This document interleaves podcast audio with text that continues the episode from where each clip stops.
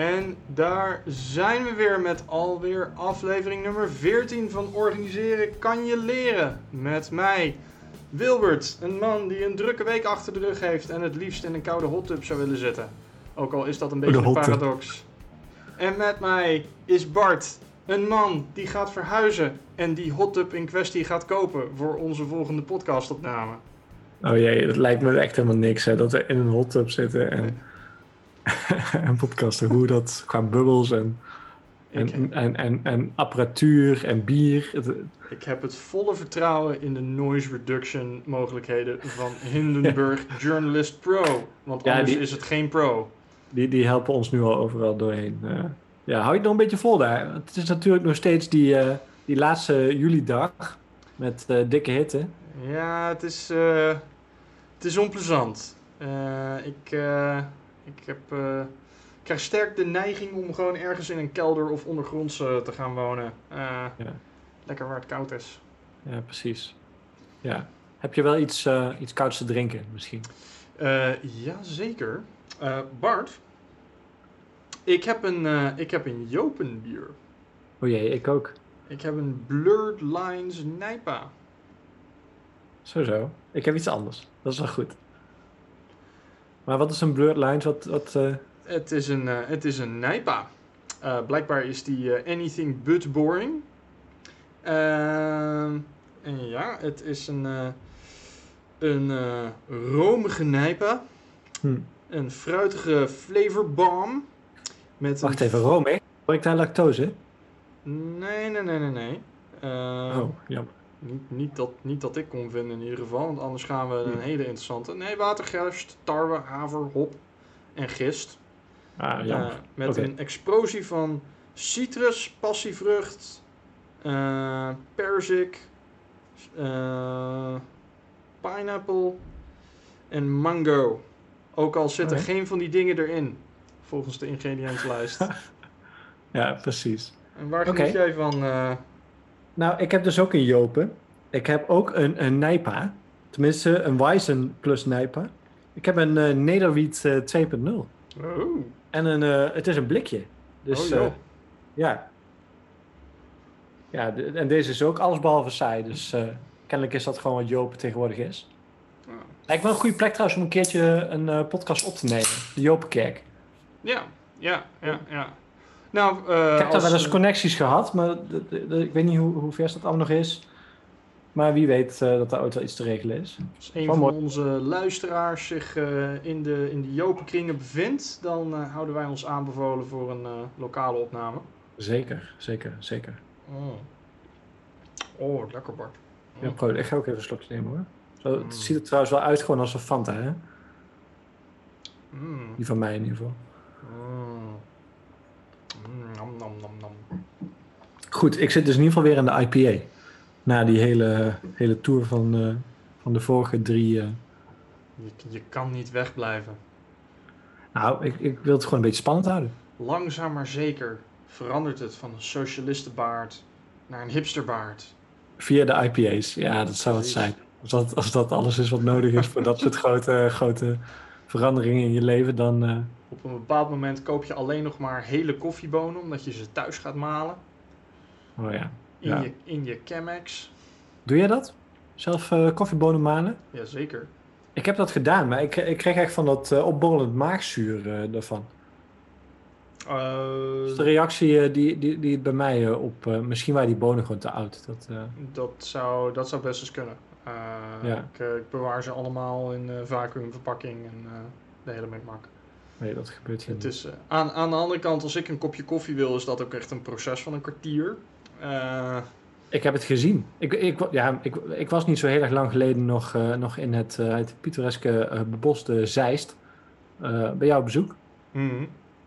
Toch maar even kijken van, van komt die jongen de corona een beetje door? Ja. En, en ik, ik kreeg een kopje koffie. Dat was hartstikke smakelijk. Eh, dankjewel. Dankjewel.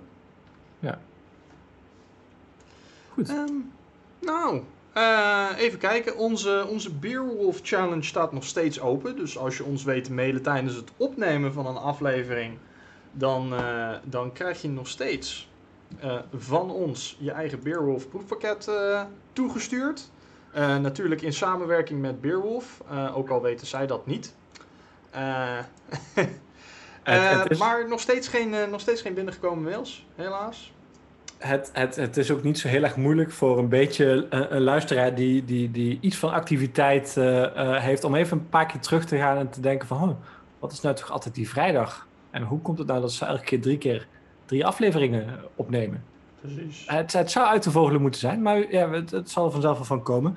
Dat gezegd hebben, ik besprak net met jou uh, tussen, tussen aflevering 13 en 14 door een ideetje om uh, eens eventjes te gaan vragen bij wat interessante mensen die wij kennen om in een minuut of uh, 1, 2 een, een vraag op te nemen die wij vervolgens kunnen bespreken.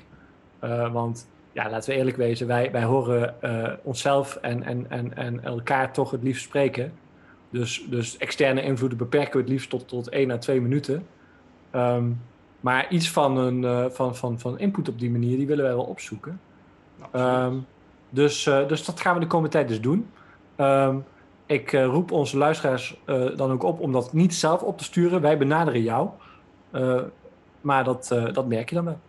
Ja, en natuurlijk als je dit hoort en denkt van... hé, hey, ik, heb een, ik heb een vraag en ik, en ik wil die graag stellen aan jullie... Um, wederom, mailen kan ten alle tijden naar organiseren.pm.me.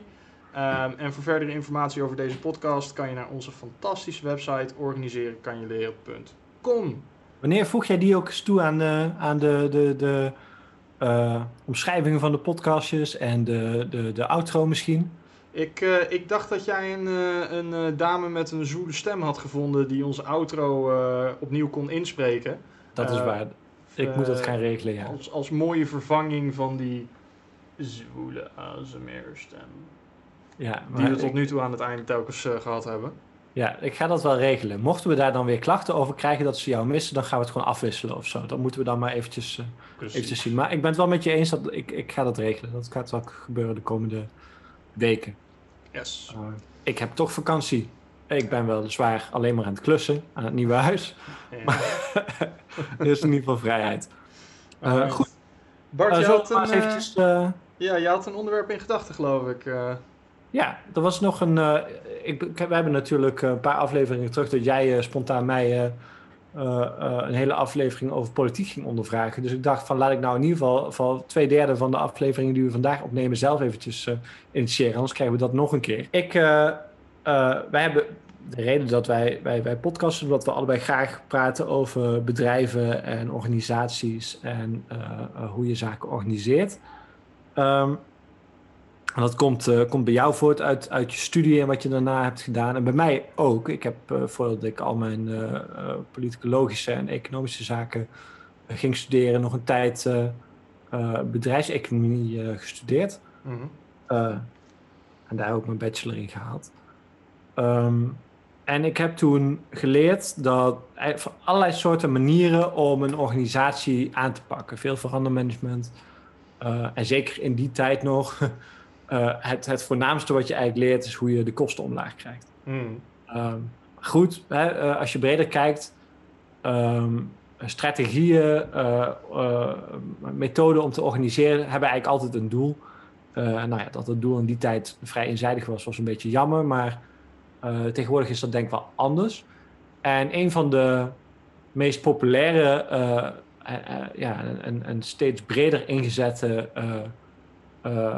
ja, ik zal toch maar gereedschappen uh, noemen, is, uh, is het uh, agile organiseren. Mm -hmm. zover zelfs dat ik laatst een, een vriendin van, van mijn vriendin hoorde praten over wat ja, ze omschreef als, als allerlei papiertjes op een, op een bord zetten op het moment dat de huishoudelijke taken werden gedaan. Mm. Oftewel, er werd een soort van agile bord gebruikt om het mhm. huishouden in elkaar te zetten.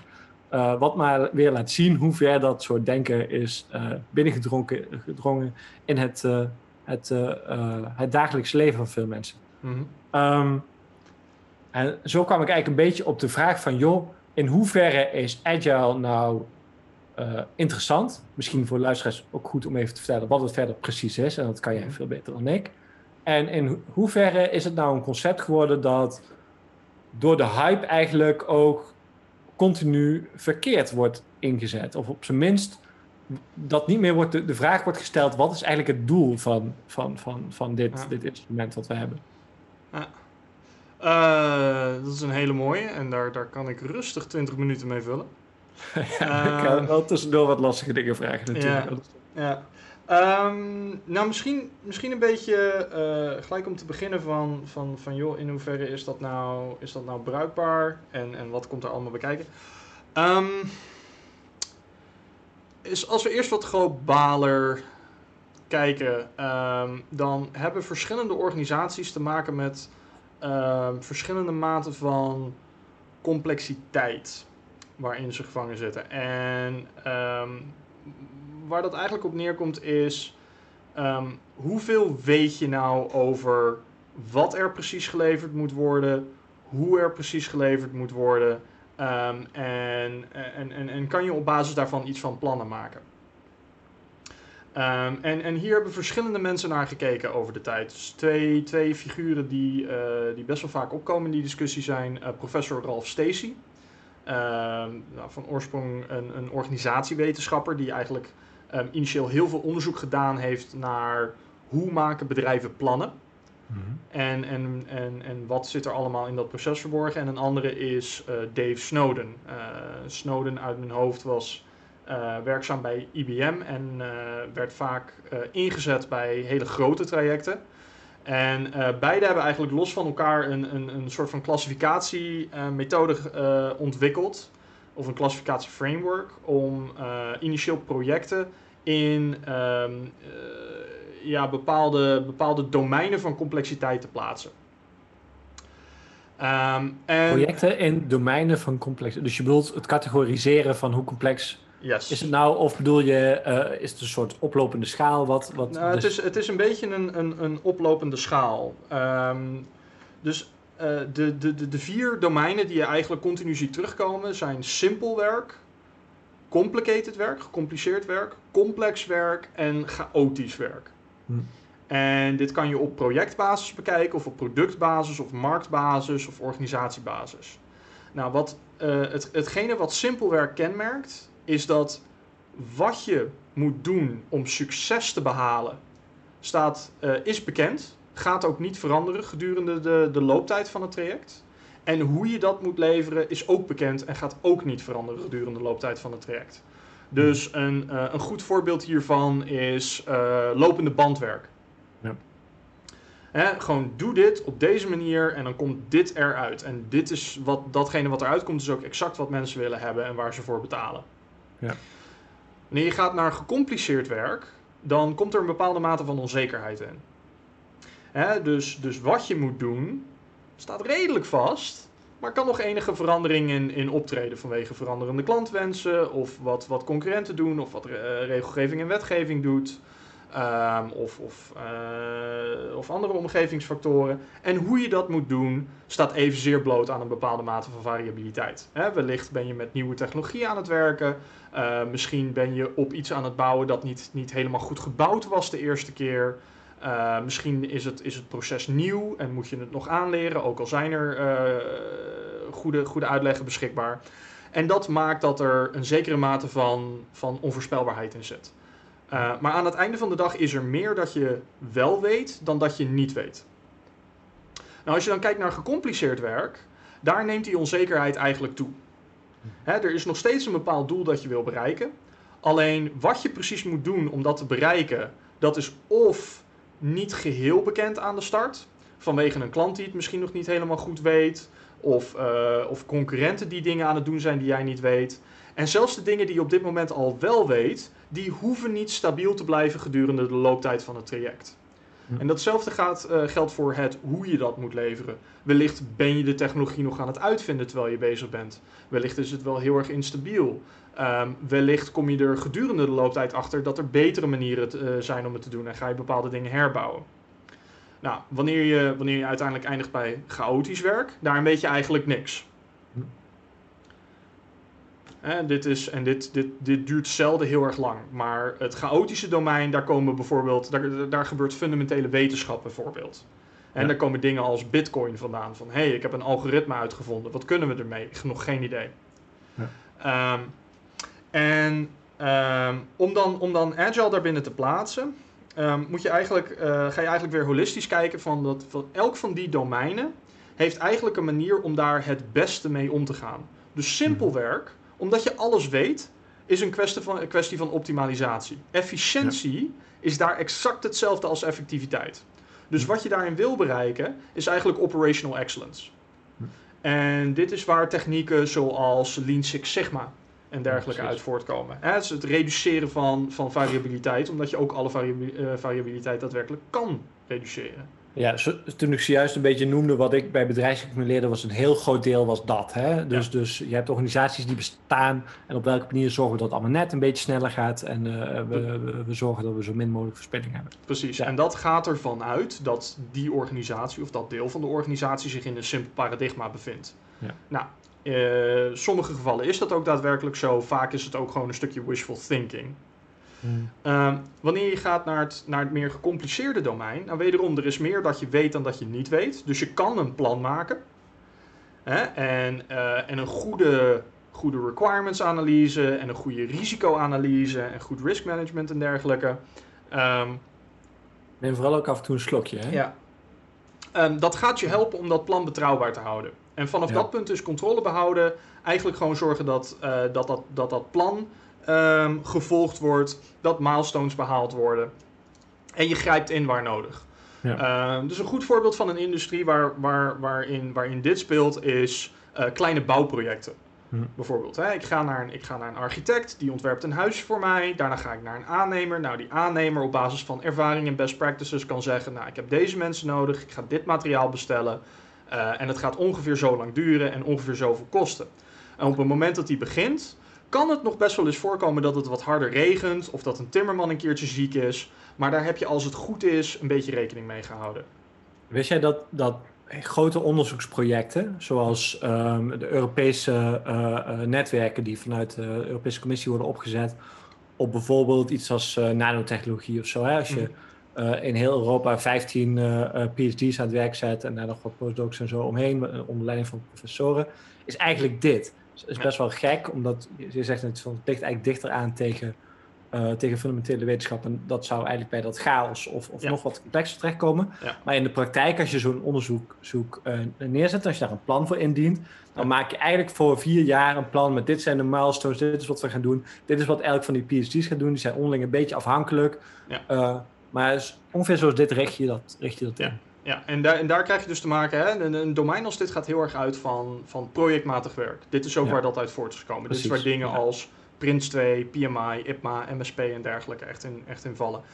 Ja, en... Nu gaan trouwens een hele hoop luisteraars denken van wat zijn al deze afkortingen? Nou ja, daar hebben we dus een website voor. Kijk daar even, want anders dan, als we het nu helemaal gaan uitleggen, dan raken we helemaal verloren in dit verhaal. Precies. En, en, en dit, is een beetje, dit is een beetje het leidende paradigma tegenwoordig. Want dit ligt ook het dichtste bij hoe mensen eigenlijk gewoon denken over hm. de wereld. Hè, het is van, van joh, uh, ultiem ben ik in controle van dingen, kan ik een plan maken uh, en kan ik, kan ik bijsturen indien nodig.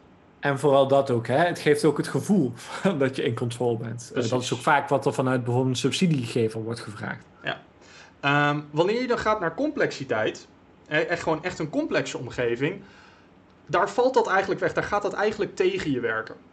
Want je kan nooit genoeg weten. En zelfs de dingen die je weet aan de start van een traject, die hoeven niet geldig te blijven. Dus een plan dat je maakt voor een langere tijd, heeft eigenlijk maar heel weinig waarde en heel weinig connectie met de realiteit. Nadat er een aantal weken of maanden is verstreken. Dus de, um, de, hè, je, je lost eigenlijk nooit hetzelfde probleem op dezelfde manier op. dus dit is een domein waarin, waarin ja, ik, ik noem dat soms creatief werk of creatief kenniswerk gedaan wordt. Um, en, en tuurlijk, er zijn bepaalde technieken en dergelijke waarop je terug kan vallen, maar fundamenteel alles is net een beetje anders. dit, is, uh, dit is open hartchirurgie. Hm. tuurlijk, er zijn dingen die je weet, je hebt een onderzoek van tevoren gedaan, maar uh, op het moment dat je eraan begint en die patiënt ligt open, er komen allemaal extra variabelen bij kijken die allemaal van invloed kunnen zijn, waardoor je snel moet inspelen, waardoor je heel veel dingen in de gaten houdt. Dus het, het in controle zijn in zo'n context moet veel meer empirisch gebeuren. eigenlijk zeg je van joh, um, we gaan wel iets naar voren plannen, maar we zeggen eigenlijk dat is een gok. Dus we gaan die gok niet al te groot maken. Ja. Ehm, en vervolgens, uh, daar gaan we aan werken. En dan op het moment dat, dat dat af is, dat dat klaar is, dan gaan we ook even pas op de plaats maken. Kijken, wat hebben wij geleerd in die tijd? Wat is er veranderd in de wereld op die tijd? Is dit, is dit de juiste stap gebleven? En wat gaat dan onze volgende stap zijn? Dus je hm. bent continu eigenlijk aan het herplannen. En omdat je continu aan het herplannen bent, besteed je ook veel minder aandacht en, en moeite aan het originele plan. Omdat je eigenlijk weet dat dat toch continu gaat veranderen. Dus je gaat eigenlijk veel meer in globale lijnen zeggen van, nou ja, ehm, dit doel uh, moet bereikt worden en zoveel geld zijn we bereid om eraan uit te geven, zoveel tijd zijn we bereid om eraan te spenderen. En vervolgens ga je kijken of je dat doel kan bereiken in die tijd, hoe dicht je daarbij in de buurt kan komen. Um, nou, daar, uh, daaromheen zijn eigenlijk uh, door de jaren heen verschillende uh, ja, technieken on ontstaan. Om eigenlijk die, met die complexiteit om te gaan en eigenlijk die, die feedback loop te borgen. Hè? Die plan, do, check, act. Um, Nou, en, en, en voorbeelden daarvan zijn dingen zoals, en wederom, dit, dit gaat allemaal op de website komen, dingen zoals Kanban, dingen zoals Scrum, dingen zoals Extreme Programming, uh, dingen zoals Crystal, dingen zoals Management 3.0. is eigenlijk allemaal manieren om die feedback loop te borgen. Um, en, en, en, en eigenlijk, als je gaat naar de kern van, nou ja, hoe heet dat proces dan? Dat is gewoon empirisch werken. Dat is de, de wetenschappelijke werkwijze. Van ik mhm. maak een hypothese, ik ga een onderzoek uitvoeren door iets te bouwen. En vervolgens ga ik uh, op basis van de resultaten daarvan mijn volgende hypothese formuleren en weer een kleine stap maken. Ja, en hoe kleiner je die stap maakt, hoe kleiner het risico dat je loopt. want soms ga je het gewoon mis hebben. Net zoals in de wetenschap. Soms blijkt er gewoon de nulhypothese gevalideerd te zijn. Um, nou, uh, er waren allemaal mensen los van elkaar mee bezig. En, uh, en op een bepaald moment, na een aantal jaren, kwamen die mensen bij elkaar. Uh, veel, van de, veel van de kenners die daarbij betrokken waren. Dus een Ken Schwaber, een Jeff Sutherland, een Mike Beadle, Arie van Bennekom uit Nederland zat daarbij. Die hebben vervolgens een weekend lang met elkaar lopen bakkeleien. Uh, en uiteindelijk kwamen ze op een aantal dingen die ze allemaal gemeen hadden met elkaar. Hm. Nou, dat, hebben ze, dat hebben ze toen uh, gepubliceerd eigenlijk als een manifesto. Vier kernwaardes en twaalf principes. En dat noemden zij het Agile Manifesto. En daar is het woord Agile vandaan gekomen. En dit was uit mijn hoofd 2001. Hm. Um, nou, wanneer, wanneer je doorgaat naar het chaotische domein, Ehm, daar eigenlijk doe maar wat. Want alles wat je doet gaat je meer informatie opleveren. Wederom, je, je blijft niet heel lang in dat domein zitten. Um, en nou, dit, dit geeft hopelijk al een beetje een antwoord op de vraag van... joh, uh, moet dat nou voor alle organisaties? Nee. Uh, en zelfs binnen een organisatie zou ik al zeggen van niet heel de club hoeft agile te zijn. Wederom, kijk naar het soort product dat je levert of de producten die je levert, of de verschillende waardeketens die er binnen de organisatie bestaan. En kijk per waardeketen eigenlijk van, joh, in welk domein zit dat nou? Die dingen die, in een, die in een simpel domein zitten, doe daar operational excellence op. Die dingen die in een complex domein zitten, probeer daar agile te worden. Want eigenlijk al die dingen, los van elkaar, operational excellence in een simpel domein, betekent dat je in controle bent. Goede planning en executie in een complicated domein, betekent dat je in controle bent. Empirisch zijn, hè, agile zijn in een complex domein, betekent dat je in controle bent. Ja, wat, maar wat. Te gekke inleiding. Mooi om zo eens even te hebben. Gaan we denk ik nog wel eens een paar keer eh, naar terug verwijzen eh, bij toekomstige podcast. Ehm, in hoeverre deel jij mijn observatie dat agile misschien wat te populair is geworden? Nou, absoluut. Want Um, onthoud, marketing speelt ook een rol daarin. En er waren wat bedrijven die initieel heel succesvol zijn geworden met, met het introduceren van bepaalde agile dingen.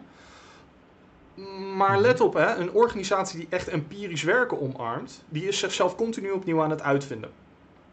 Hè, dus de, de organisatiestructuur is fluide, de producten die ze aanbieden zijn fluide, de processen die ze gebruiken zijn fluide. Um, een organisatie die nog steeds qua aansturing, hè, qua, qua mindset in wat meer dat simpele of gecompliceerde paradigma zit, uh, zit, die zoeken naar best practices. Die zoeken eigenlijk naar doe het op deze manier en dan komt daar dit uit. Nou um, daarin helpt het ook niet dat er over de jaren heen verschillende uh, artikelen zijn verschenen en boeken zijn verschenen met ehm, ja, toch wel redelijk dubieuze titels. Dus bijvoorbeeld een hele uh, een boek van Jeff Sutherland over Scrum heeft de titel Scrum. Twice the work in half the time. Ja, precies. Nou ja, een gemiddelde directeur die leest dat en die denkt van... hey, twee keer zoveel werk in de helft zoveel tijd. Doe mij maar twee kilo daarvan. Ja, precies. Nou ja, goed. Waar Jeff het over heeft in dat boek... is van, joh, doordat wij continu onze keuzes aan het herevalueren waren... hebben we twee keer de waarde opgeleverd in de helft van de tijd. Maar dat is niet wat zo iemand uit zo'n boek leest. Dus er, er zit ook gewoon een hoop een hoop van dat soort verhalerijen in. Want, want laten we wel helder zijn. Ehm, zo'n continue feedback loop op wat je aan het doen bent, op hoe je dat aan het doen bent en of het nog wel zin heeft om eraan door te werken, dat is best een uitgave. En daar zie je eigenlijk al, ik zei, ik zei het al in mijn beschrijving van simpel werk. Daar is efficiëntie en effectiviteit exact hetzelfde. Complicated werk zie je al dat die relatie wat vager wordt. Op het moment dat jij complex werk gaat doen, zeg je eigenlijk wij offeren efficiëntie op ten behoeve van effectiviteit. Dus dat hele idee van een efficiënt lopende organisatie, dat gaat niet op. Want een agile, een agile organisatie, agile product besturen, betekent eigenlijk continu stilstaan en herevalueren en aanpassen. Ja. En nooit dat punt van operational excellence bereiken. Nee. Ik, ehm, Alleen wat, dat, is vaak, dat is vaak niet de insteek. Het wordt vaak eigenlijk ingezet als een manier van, van toch weer die operational excellence. Maar dan met hebt... stikjes aan de muur. Precies. En maar ja, dat, dat krijg je met een, een populair concept waarvan niet iedereen doorheeft wat het nou precies betekent. En ik denk dat je helemaal gelijk hebt dat uh, bepaalde woorden die worden gebruikt bij uh, titels van boeken en marketing uh, versterken dat probleem. Um, er is iets waar ik eigenlijk nog even met je op in wilde gaan voordat we hier helemaal nog verder ingaan op wat, wat agile precies is en zo. Misschien is dat ook eigenlijk voor een andere keer misschien nog nog wat interessanter als het gaat om technieken en zo. Maar ja, het is ook weer niet zo dat wij hier nou per se de hele tijd willen bespreken wat agile is.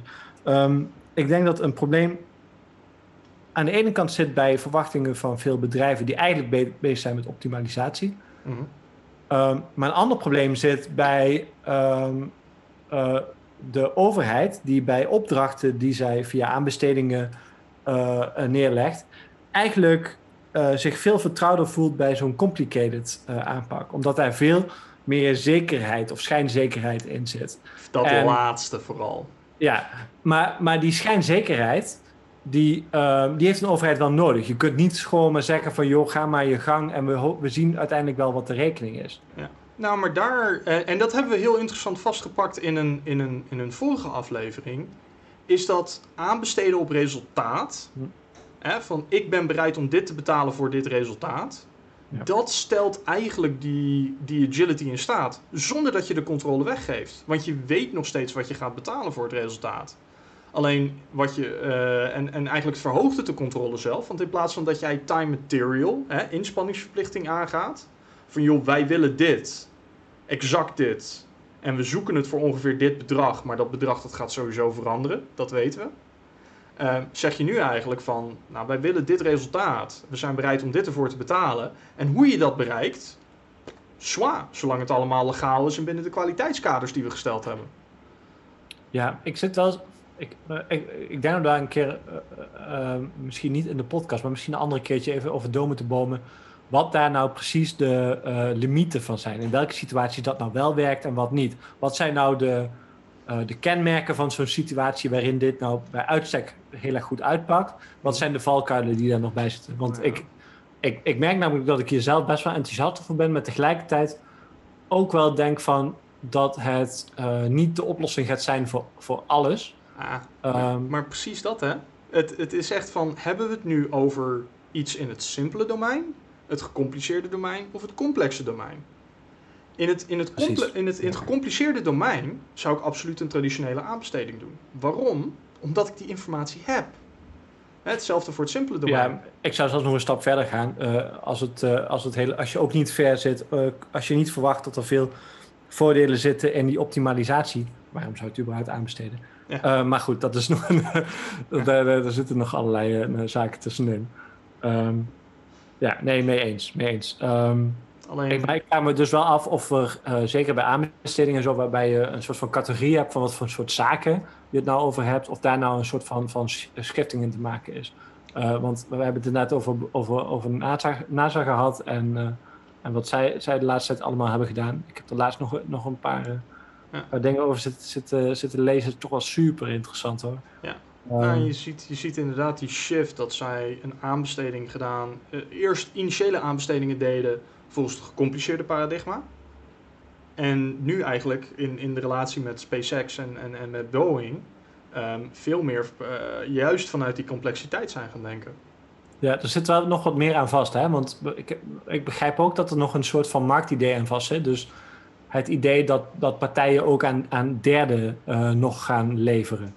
Uh, want want wat, wat, wat zowel SpaceX als Boeing doet, is eigenlijk wel heel erg veel kennis uh, tot zich nemen uh, bij, bij, bij het in de ruimte brengen van, van personen. Ja. Dat moet dan leiden tot bijvoorbeeld toerisme en, en dergelijke. Daar kun je nog van alles van vinden. Um, maar goed, dat maakt op zich verder niet zoveel uit voor, voor hoe interessant het, het principe is.